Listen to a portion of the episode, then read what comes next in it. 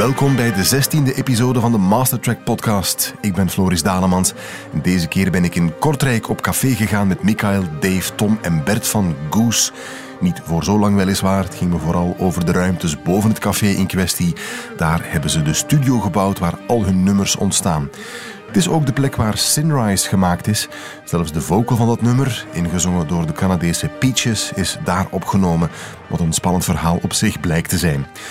Sunrise is het titelnummer van het tweede album van Goose dat ze uitbrachten in het najaar van 2010. En intussen is het een soort anthem geworden dat op elk concert luid wordt meegezongen door het publiek. Ik sprak met hen in het najaar van 2016, toen ze nog aan het nagenieten waren van een heel groot concert in de Lotto Arena in Antwerpen.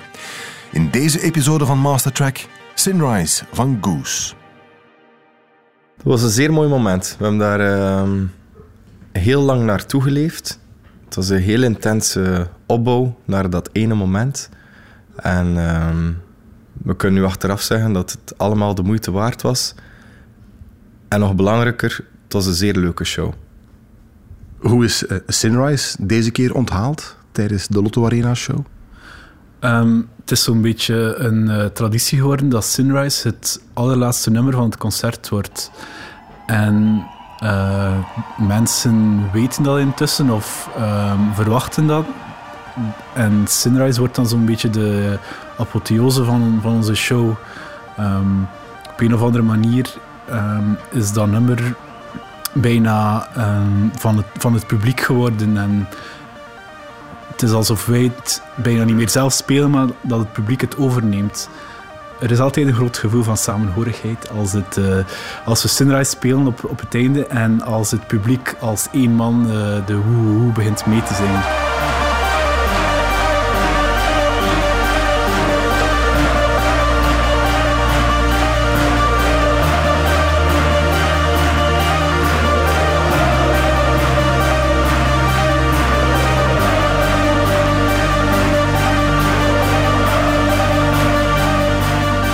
Eigenlijk hebben we geen keuze. Stel dat we op een bepaalde dag beslissen om dat niet in de set te steken, dan zingt het publiek het toch. Dus um, ja, we zijn onszelf en het publiek verplicht van het te spelen. Maar wat dan mooi is, want ik denk dat dat een cadeau is dat, dat je krijgt als groep. Dat er een nummer is dat het publiek van jou vraagt om te spelen. In heel veel gevallen speelt de groep nummers en hoopt hij dat het publiek luistert. En hier is het bijna omgekeerd. Het is ooit anders geweest in het begin toen de Sunrise plaat of het album uitkwam. Toen speelden we het nummer Sunrise als eerste. En heel veel mensen hadden een beetje een, ja, een beetje rare reactie erop. Ze, ze, ze snapten het niet, omdat het is, op zich is het wel een speciaal nummer. Er komen niet echt vocals in. Uh, er heeft heel erg op sfeer. En we hebben het gevoel dat het publiek heeft uh, moeten leren wennen aan dat nummer. En ze hebben het ja, volledig omarmd intussen wel. Onze live shows zijn uh, een soort symbiose tussen het publiek en het podium. En als wij energie krijgen van het publiek, dan, dan, ja, dan krijgen we energie en geven we ook massa's energie terug. En ja, zo werkt het. En met Sunrise is dat, is dat duidelijk het geval. Hoe ontstaat zo'n nummer? Want het wordt helemaal gedragen door door, door synthesizers, door een, een drum die dat helemaal bij elkaar houdt en die, die uh, tekstloze vocal. Hoe, hoe begin je aan zo'n Sunrise? Het is eigenlijk gewoon ontstaan um, van die nieuwe speakers hier, die Genelex. Bert en Mika moesten gaan draaien. En we allemaal uit een kater, dat weet ik ook nog. En uh, ik ben daar gewoon beginnen op uh, jammen op die speakers. En voordat ik het wist, was er die arpeggio. En dan van daaruit is dat nummer eigenlijk gestart. Die arpeggio was eigenlijk uh, veel simpler.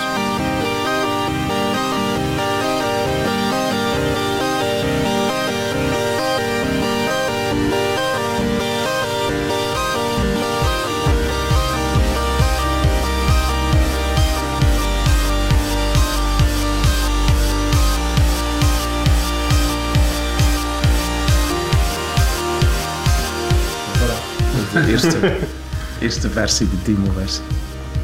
Toen was de arpeggio nog uh, veel simpler um, en denk manueel gespeeld. Het is eigenlijk gemaakt gewoon zonder nadenken. Meestal um, Als je te veel een plan hebt om een nummer eh, te maken of eh, te starten, mislukt dat. En de meeste dingen die leuk zijn komen als je het niet verwacht. Ik denk dat dat eigenlijk ook echt het geval was met dat nummer. Denk ik met veel nummers van ons. Ik ben eh, vooral fan van, van nummers die, die veel emotie in, hem, in zich hebben, maar ook veel kracht. En dat nummer is, is de drive is gewoon uh, 4-4 rechtdoor. Maar de, de trage akkoorden eronder en de emotie van de arpeggio en die combinatie uh, ja, zijn wij als band een grote fan van. Energie en emotie samen. En een geweldige koebel. More cowbell. Ja, inderdaad.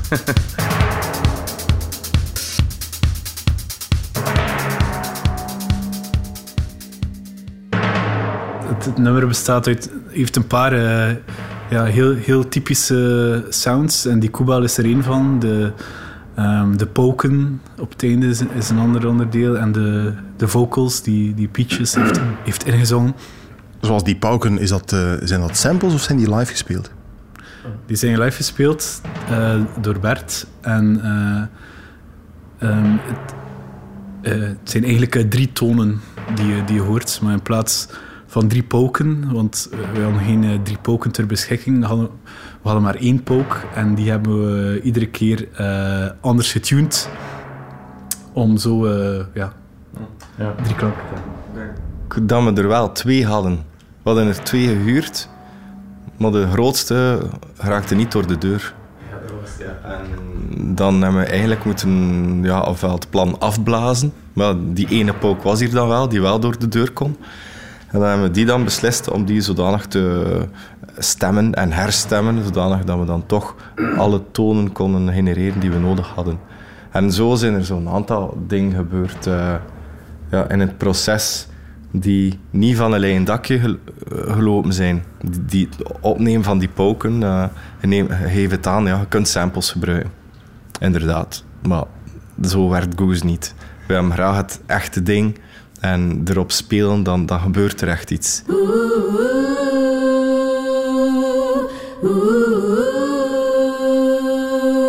De vocals, uh, ik denk dat er drie of vier maanden over gegaan is tegen dat Peaches ja zei.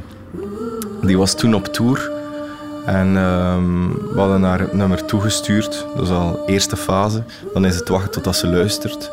Dan is het wachten totdat ze terugbelt dan is het wachten totdat ze um, ja, akkoord gaat om tot in Kortrijk te komen, om dat, uh, dat te komen inzingen. En daar ging echt zoveel maanden over.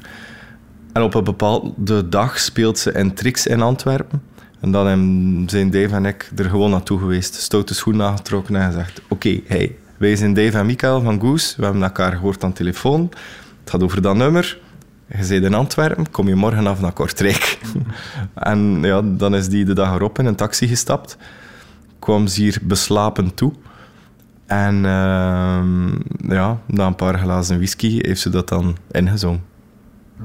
Um, achteraf hebben we gehoord dat ze blijkbaar wel een keer eh, gecheckt heeft bij de, de Walenbroers uh, wie Goes precies was, omdat ze er niet echt een beeld van had. En uh, hadden zij gezegd van ja, ze, ze, zijn, zijn toffe jongens, ze maken goede muziek, dus uh, zeker doen. Dus ze hebben uh, een, een, handje toegestoken, gelukkig. Is, is dit de studio waar dat gebeurd is, waar we nu zitten? Eigenlijk in een andere kamer. Ik denk ook dat het putje winter was en dat we dat hier moeilijk konden verwarmen. En ja, Pietjes, het is nogal een madame. Uh, je moet die wel verwennen als hij is. Motherfuckers wanna get with me, lay with me, love with me. Uh. Right. Come on, let's set it off. Come on, let's set it off. Come on, let's set it off. Come on, let's set it off. Achteraf hebben we elkaar nog vaker gezien en is hij ook nog vaker teruggekomen op andere projecten te werken. En dan is dat, dat, daarna is het een vriendin geworden. Maar in het begin was het niet gemakkelijk. Was het zo, oké, zorgen dat ze warm genoeg heeft. Ze niet laten binnengaan via het café, want toen mocht je nog roken in het café. En voor haar stem mocht dat totaal niet, dus die mag niet in contact komen met rook. Um, ja, het is toch een beetje diva op dat moment. Erna niet meer. Erna is ze nog vaak teruggekomen. en ook nachten doorgebracht in het café. Dus dan was plots alles mogelijk. Dus het nummer zelf is hier ook ontstaan? Ja, inderdaad. Geweldig. Maar ook niet in deze kamer. Ook diezelfde kamer waar Pietjes dat in gezongen heeft. Waarschijnlijk ook door de winter. Als je zo'n nummer zoals Sunrise live speelt, hè, eh, hoeveel gaat er dan op safe en hoeveel doe je echt live? Of is dat een gevaarlijke vraag? Nee, totaal niet. Dat nummer wordt volledig live gespeeld. Het enige dat we niet met ons vingers spelen is een arpeggio. Omdat die ook zo niet gemaakt is. Is eigenlijk, allee, buiten Chef kan dat, maar wij kunnen dat niet. En dat vraagt dat ook niet in onze muziek. Dat, is eigenlijk een, dat wordt MIDI gestuurd, maar dan wordt de klank eigenlijk real-time gemaakt op onze synth. En dat bedienen we eigenlijk en modelleren we doorheen het nummer. Maar ik speel het niet met mijn vingers.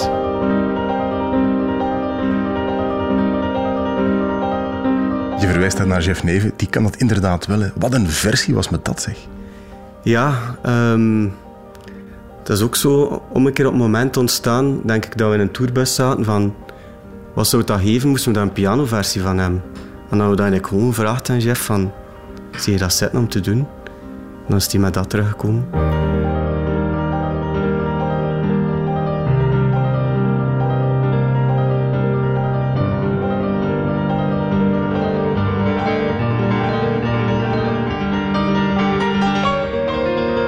Vind het een super versie, maar hoort ook echt dat hij zijn best moet doen om die arpeggio te halen. Eh, Hij heeft waarschijnlijk gezweet. Ik heb hem wat live zien spelen op de Radio 1-sessies en dat was behoorlijk indrukwekkend, moet ik zeggen. Dat vinden wij ook. Ja. Er zijn nog wel wat eh, eh, zotte versies van gemaakt. hè. Zo'n paar hele straffe eh, internationale sterren die er remixes van gemaakt hebben. Ja, ook uh, Salwex heeft een tof remix gemaakt. Ehm, denk niet dat wij dat zelf gevraagd hebben, ik denk dat zij gewoon een versie gemaakt hebben om zelf te kunnen draaien in hun set.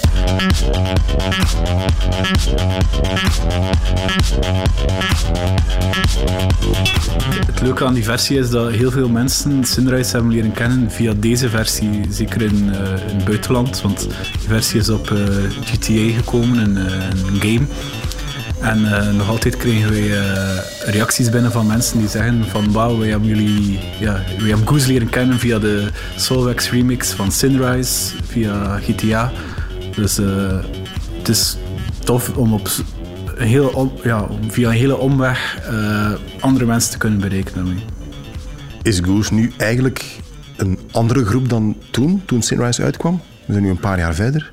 Ik denk wel dat we veranderd zijn, ja. Absoluut. Veranderen en veranderen ook niet. We veranderen niet in de zin dat we telkens opnieuw op zoek zijn naar iets nieuws.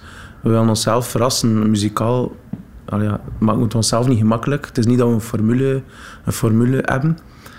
Dus in die zin zijn we niet veranderd. Maar door het feit dat we telkens opnieuw zijn naar iets anders, veranderen we constant.